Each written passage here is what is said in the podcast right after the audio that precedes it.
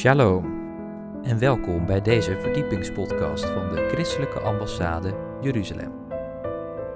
Mijn naam is Joshua Beukers en samen met Bijbelleraar Jacob Keegstra gaan wij een verdieping zoeken van de Hebreeuwse wortels van ons christelijk geloof.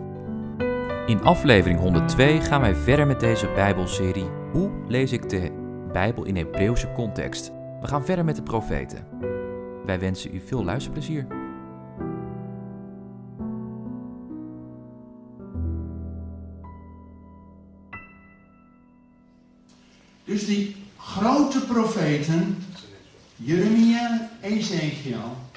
En in het midden Jezaja. Weet je dat dat ook een opdracht voor ons is, Jezaja? Jezaja 40 vers 1 begint met, laten we dat eens lezen. Jezaja 40.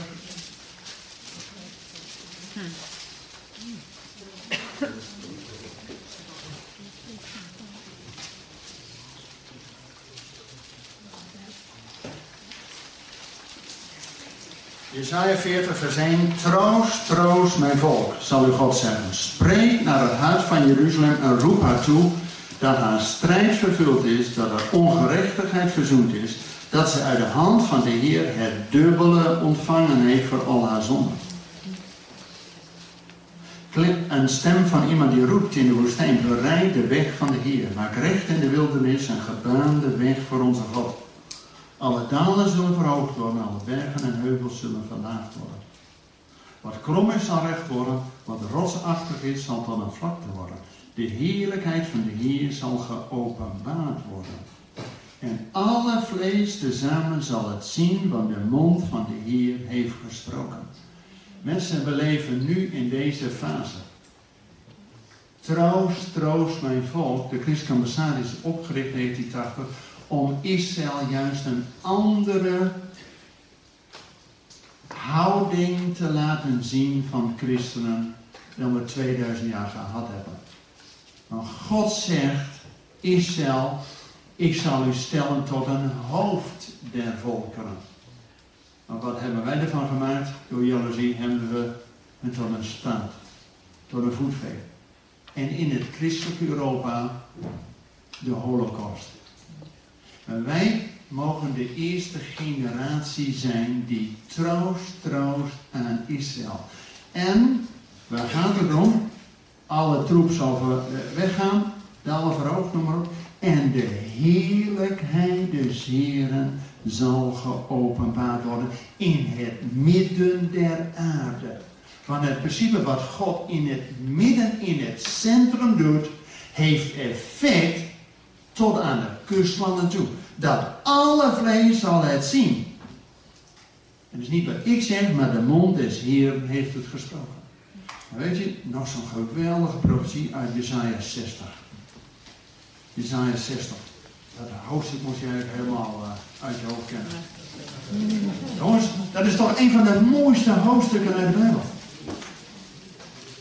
Als Jezus zijn eerste preek heeft in Nazareth,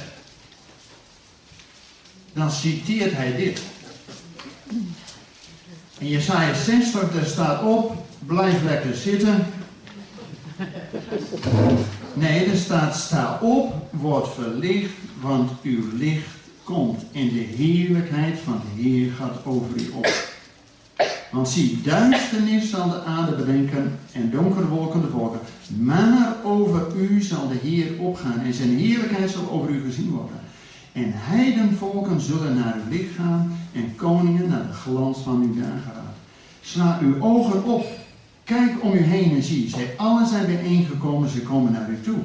Uw zonen zullen van verre komen en uw dochters zullen op de heup gedragen worden. Dat is nu, hè? Nu dat wij als christen mogen helpen om Israël terug te brengen. Dan zult u het zien en stralen en uw hart zal diep ontzag hebben en zich verruimen. En dan komt hij. Want de menigte van de zee zal zich naar u toekeren. En het vermogen, het geld van de heidenvolken zal naar u toekomen. Wauw. Weet u dat dat herhaald wordt in het Nieuwe Testament? Romeinen 15 zegt dat wij, wij, heidenen, alle zegen via Israël ontvangen hebben. Gods woord, Gods zoon en Gods geest. Wat heb je nog meer nodig? Dan zijn wij verplicht vanuit onze materiële overvloed hem te zeggen. Alleen dat hebben we de laatste 2000 jaar nog niet zoveel gedaan. Maar God zegt hier in Jezaja al, het boek van Yeshua, de rijkdom der volkeren zal gebracht worden. Wauw. Jongens, we gaan verder. Want na de vroege profeten, begint met Josia, de grote profeten, maar met name Jezaja in het centrum staat, hebben ook de twaalf kleine of late profeten. Dan gaan we die twaalf natuurlijk niet alle twaalf voordragen, maar hooguit begin, midden en eind. En ook daarin zal het selectief zijn, want anders wordt het heel veel informatie. Kijk, die kleine twaalf kent u. Begint met Hosea. En dan kent u dat rijtje. Joel, Amos, Obadja. U kent het. Helemaal goed. Dus die twaalf kennen we. Maar nou iets over de inhoud.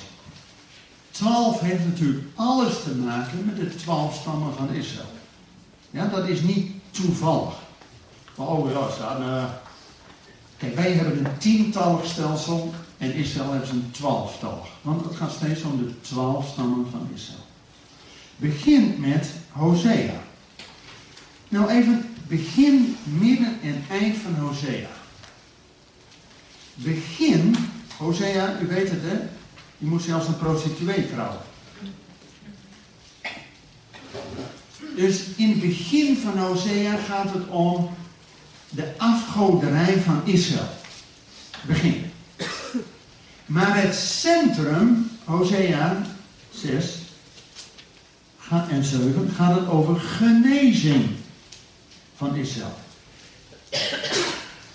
En het slot van Hosea, hoofdstuk 14, gaat het over bekering en zegen. Dus er zit een profetische lijn in Hosea van hoe de situatie is, afgoderij, tot genezing, wat God geeft, en dan ook hun eigen reactie, dat ze dan ook zich bekeren tot God. En de zegen van de Almachtige ontvangen. En weet u waarom is dit nou een profetische boek? Want God gaat vanaf het begin het einde al verkondigen. Direct in Hosea 1, vers 18 staat, ondanks die afgoderij, staat dat God zijn volk gaat huwen als een bruid voor eeuwig. Nou, dan zie je dat het gewoon een profetisch boek is, dat God vanaf het begin al de einduitkomst verkondigt. Hosea 1 vers ik ga u werven tot bruid voor eeuwig. Maar niet in die afgoderijtoestand. Eerst genezen en bekeren. Dan pas kan de zegen van de Almachtige overnemen.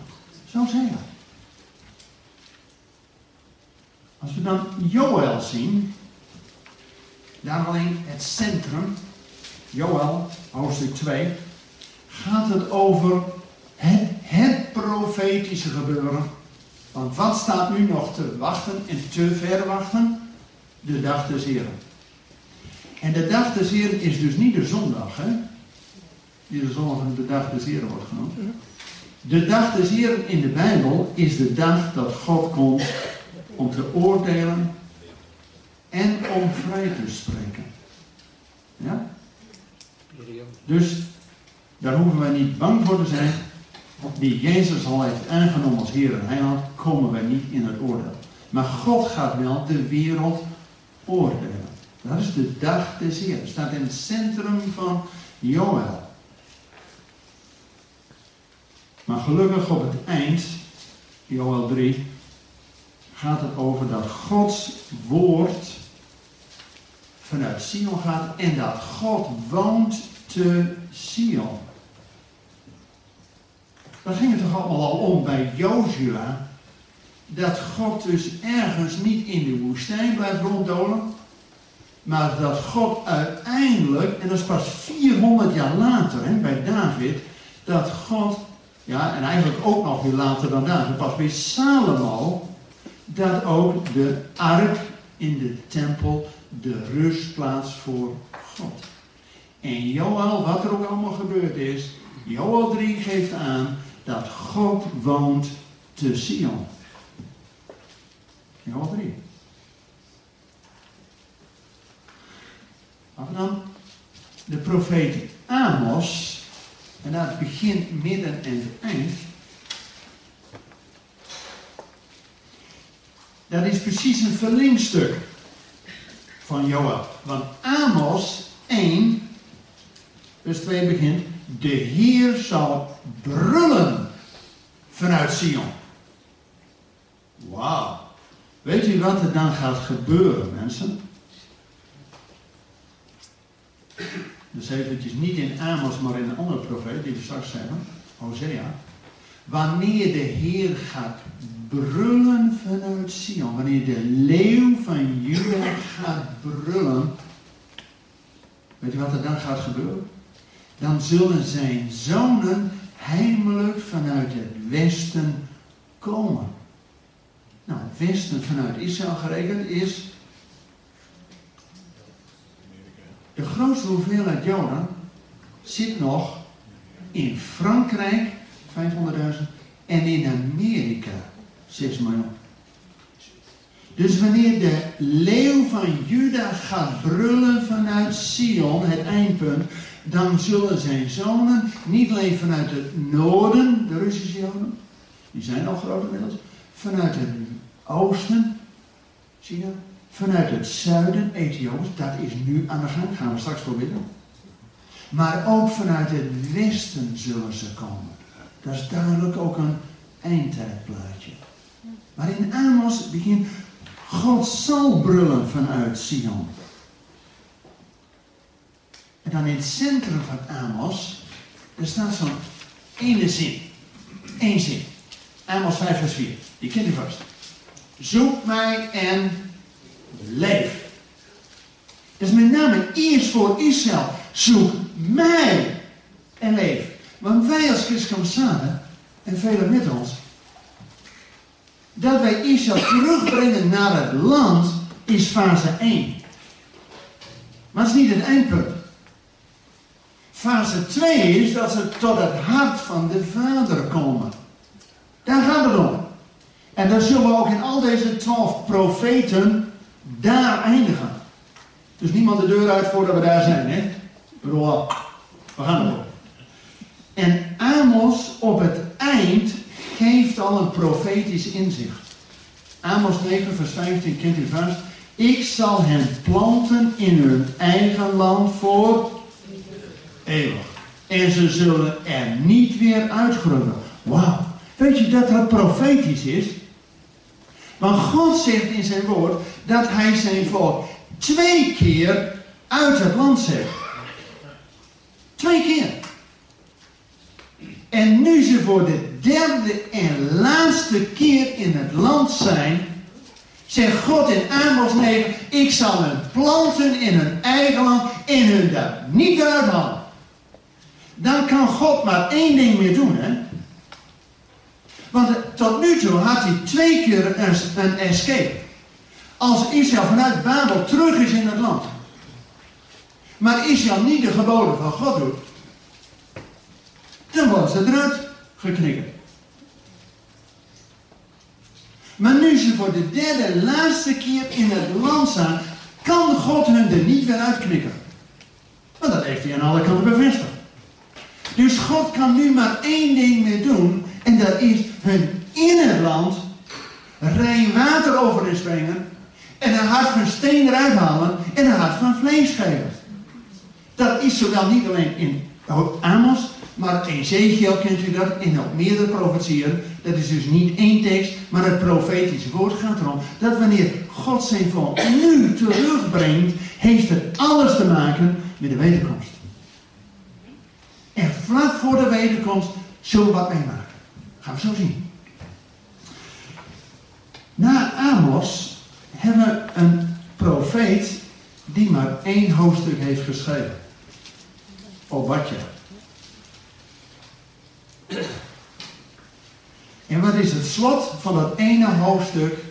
Was het eind van het liedje? Ja, dat is misschien een beetje populair gezegd, maar zo bedoel ik het niet.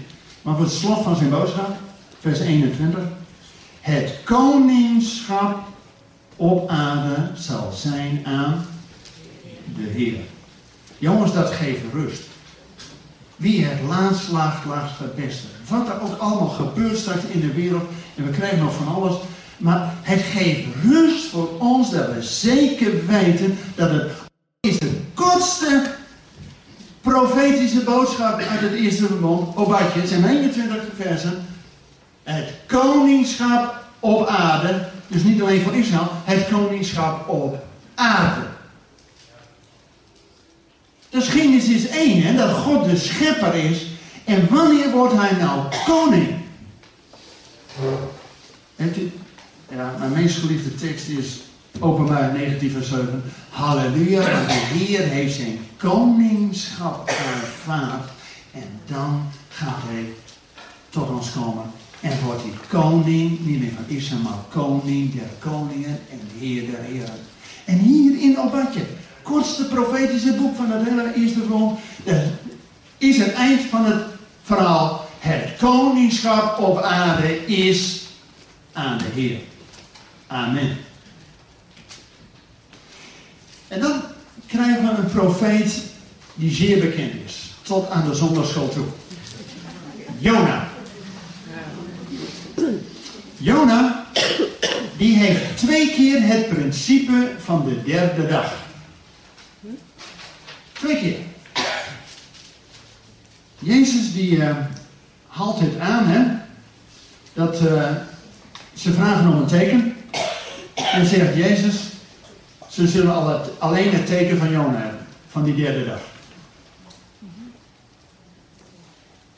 En we weten, Jona kreeg alleen de opdracht, Jona, ga naar Nineveh. Alleen dat is vanuit Israël naar het oosten. Maar hij had niet zijn zin, hè? Dus hij ging naar het westen. Moest hem naar het pak halen. En na drie dagen is weer brood. En God veroordeelt hem niet, hè? Oh, jongen. Nee. Jona, ga naar Nineveh. Mensen, God heeft een visie en een roeping ook voor ons, hè? En soms hebben we de eerste keer hebben we dan niet zoveel zin, hè? En gaan we precies dingen doen die God niet uh, had gezegd. Soms moeten we nat gaan als een gieter. Maar God veroordeelt niet. Zeg nog steeds, Jona, ga naar Nineveh. Dat was een stad als Zwolle, hè? 120.000 mensen. Dat was drie dagen aan het lopen om er helemaal omheen te gaan. Nou, dat ben je met Zwolle ook. Maar het is een beetje te vergelijken met Zwolle. En Jona had helemaal geen visie, hè? Maar zegt alleen het woord van de Heer. Dus de boodschapper had geen visie, hè? Maar de boodschapper heeft wel visie. Het is niet van Jona afhankelijk, maar van God die het woord spreekt. Dus hij zegt, nou, bekeert u. En waar rimpel, dat doen ze ook nog. En wat gaat Jona doen? Ga naar de oosten van de stad zitten en heeft Loofhuttenfeest. In zijn eentje. En u kent het van die wonderboom. En hij was broer van die wonderboom, dan uh, van 120.000. Maar goed, hij moet ook nog een les leren. Weet je, ook Israël moet nog een les leren. Dat ze niet alleen in die loofhut zitten. Loofhut is een teken voor de volkeren. Wanneer wij in de tabernakel van God en in de tempel van God, dan zegt koning Salomo al, Heer, dat dit niet een gebedshuis is voor alleen Israël, maar een gebedshuis voor alle volken. Zo profetisch, jongens, dat wij er gewoon bij mogen. En het allergrootste feest, feest, dat wij er niet naast zitten, maar dat wij erbij horen. Ja? Dat moest Jona nog leren. Jona, zijn naam betekent duif. En weet u wanneer Jona gelezen wordt? Profetische boek Jona wordt gelezen vlak voor het Loofhuttenfeest. feest. Met grote verzoendag. Dan wordt dat gedeelte gelezen. Nou, blijkbaar moet er nog eerst een hoop verzoening gebeuren voordat wij samen met Israël het grootste feest en de maaltijd des Heren en de bruiloft van de Lam kunnen vieren. Maar dat gaat gebeuren. Want dat is het woord van God wat gewoon zelfs voor Nineveh tot hoop was. Weet je dat Nineveh 100 jaar later wel uh, vernietigd is? Maar God had het oordeel aangekondigd. Maar er is altijd opschuiving van het oordeel als je je bekeert. Dus ze hebben 100 jaar respijt gehad. Maar 100 jaar later wordt Nineveh wel verwoest. Weet je hoe Nineveh nu heet? Mosul. Weet u wat er nu gebeurt in Mosul? Dat Messiaanse jongeren uit Israël zijn twee jaar geleden naar Egypte gegaan. Weet u waar, waar Jeremia ook al naartoe ging? Maar een woord van hoop had. En wat staat er over die Heerbaan? Dat er vanuit Egypte tot aan Assur, Assyrië, en de hoofdstad van Assyrië was toen Nineveh, wat nu Mosul heet. En vorig jaar zijn die Messiaanse jongen naar Mosul gegaan. Waar die christenen niet meer zijn, die Jezidis. Maar wie er nu zitten, zitten in kampen. En dan komen Messiaanse jongeren de evangelie brengen. En die mensen kunnen die kampen niet uit. Dus het woord van hoop was het meer. De talk of the day is het evangelie. Er is een opwekking gaande in Mosul in de kampen. Dank u, Want er gaat gebeuren dat er een heerbaan zal komen van Egypte tot Assyrië. En dus ze gaan de Heer loven en prijzen. Wauw, wij zijn de eerste in de generatie. Wij gaan het nog meemaken. Gaan we straks proberen. Um, de tijd gaat al een beetje verder, dus ik ga een klein beetje richting uh, de belangrijke onderdelen.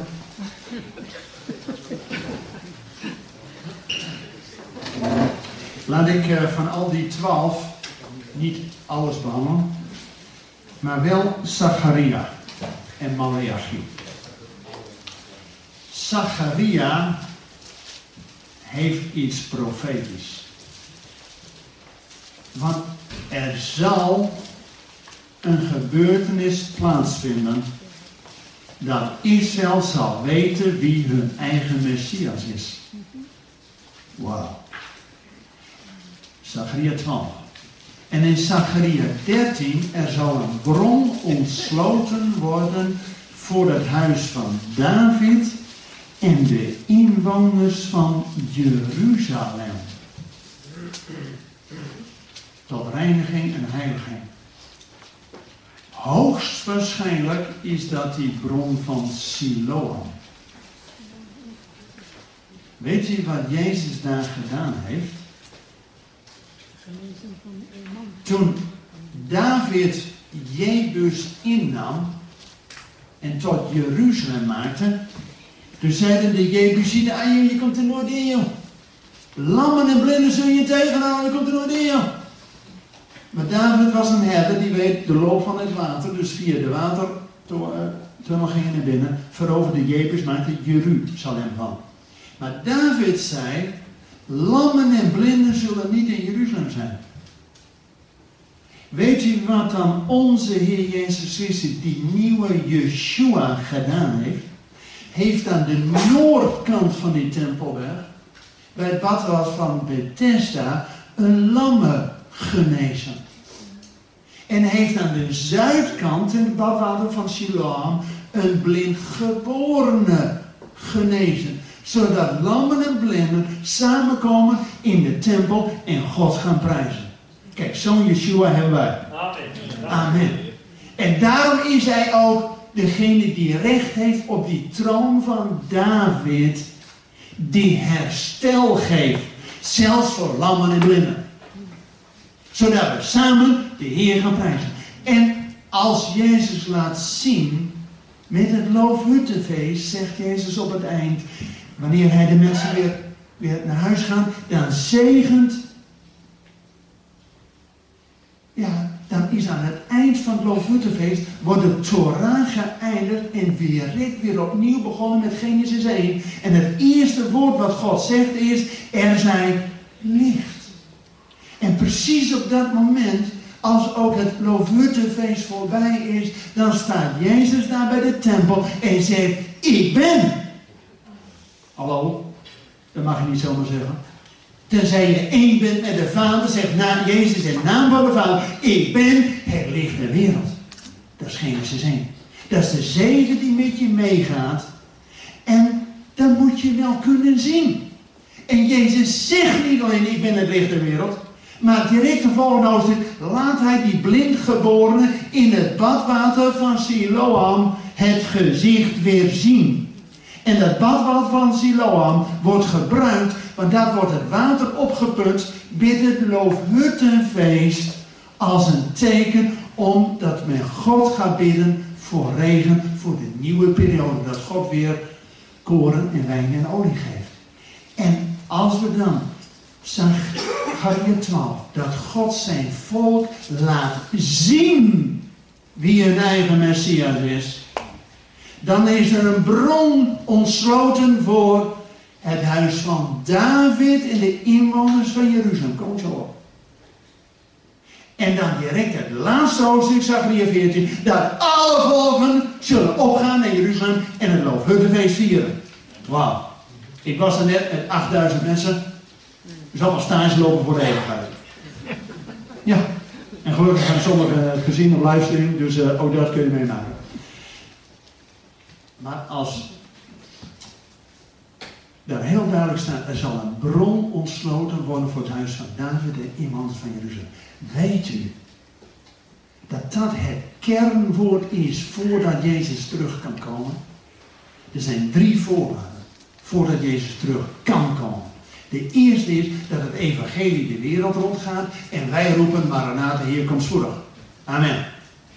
De tweede is dat God zijn volk gaat verstrooien en hen terugbrengt in het land. Nou, wij zijn getuigen dat die tweede al bijna vervuld is. Maar de derde, de meest cruciale, dat Jezus ook zegt tegen Jeruzalem, en de inwoners van Jeruzalem, gij zult mij niet meer zien. Totdat. Totdat ook gij zegt, Baruch haba Bashem Adonai, gezegend hij die komt in de naam des Heer. Daarom moet u zo voor de leiders van het volk en de inwoners van Jeruzalem het badwater van wedergeboorte. Net zo goed voor ons, ook voor hen. Zodat wij samen met Israël zeggen, gezegend hij die komt in de naam des Heeren. Amen. En de laatste van die twaalf profeten is Malachi. En waar eindigt Malachi mee? Dat kent u vast de dag des Heren. En dat God, voordat die dag des Heren er is, die profeet Elia gaat zenden, zodat het hart van de kinderen teruggaat tot het hart van de vader, en het hart van de vader terug naar de kinderen. Weet u dat dat profetisch is en dat nu in deze tijd werkelijkheid wordt? Want de vaderen, dat is niet alleen maar leuk dat er herstel is in een gezin, dat is al geweldig. Maar de vaderen in de Bijbel zijn altijd Abraham, Isaac en Jacob, de vaderen. En als God gaat bewerken dat het hart van de kinderen van Israël, die nu in Israël zijn, dat ze terugkeren naar het hart van Abraham, Isaac en Jacob en naar de God van Abraham, Isaac en Jacob. Jongens, dat is een profetisch getuigenis wat we nu zien. Ik heb voor het eerst nu gehoord op het Loofhuttenfeest dat er al 30.000 Messiaanse Joden zijn in Israël. Het gaat nu hard. En vorig jaar waren wij uitgenodigd voor 50 jaar Jeruzalem. Om te, voor de eerste prayer breakfast voor Jeruzalem. En we waren met 500 christelijke leiders. En Joodse mensen uit de Knesset. En degene die het georganiseerd was, was een Messiaanse Jood. En de zangdienst werd door zijn dochter gedaan. Nou, dat was helemaal Yeshua voor en na. Jongens, er is een opening. Tuurlijk nog rustig aan, maar daar gaan we nu voor bidden. Dat God niet alleen zijn volk terugkeert naar het land, maar terugkeert tot het hart van de Vader. Zodat wij samen met Israël zeggen, in de komst van Jezus verwelkomen. Tot aan, wat hebben we gelezen? Het profetische woord achter we des te vaster. Totdat de morgenster opgaat in ons hart. En dat we samen met Israël zeggen, gezegend hij die komt Bedankt voor het luisteren naar deze verdiepingspodcast van de ICEJ. Waardeert u onze podcast? Steun ons dan met een donatie of ga naar onze website icej.nl. Volgende week weer een nieuwe aflevering. We gaan dan verder met deze Bijbelserie en we gaan het hebben over de geschriften. Luistert u weer met ons mee? Ik hoop van wel. Tot dan.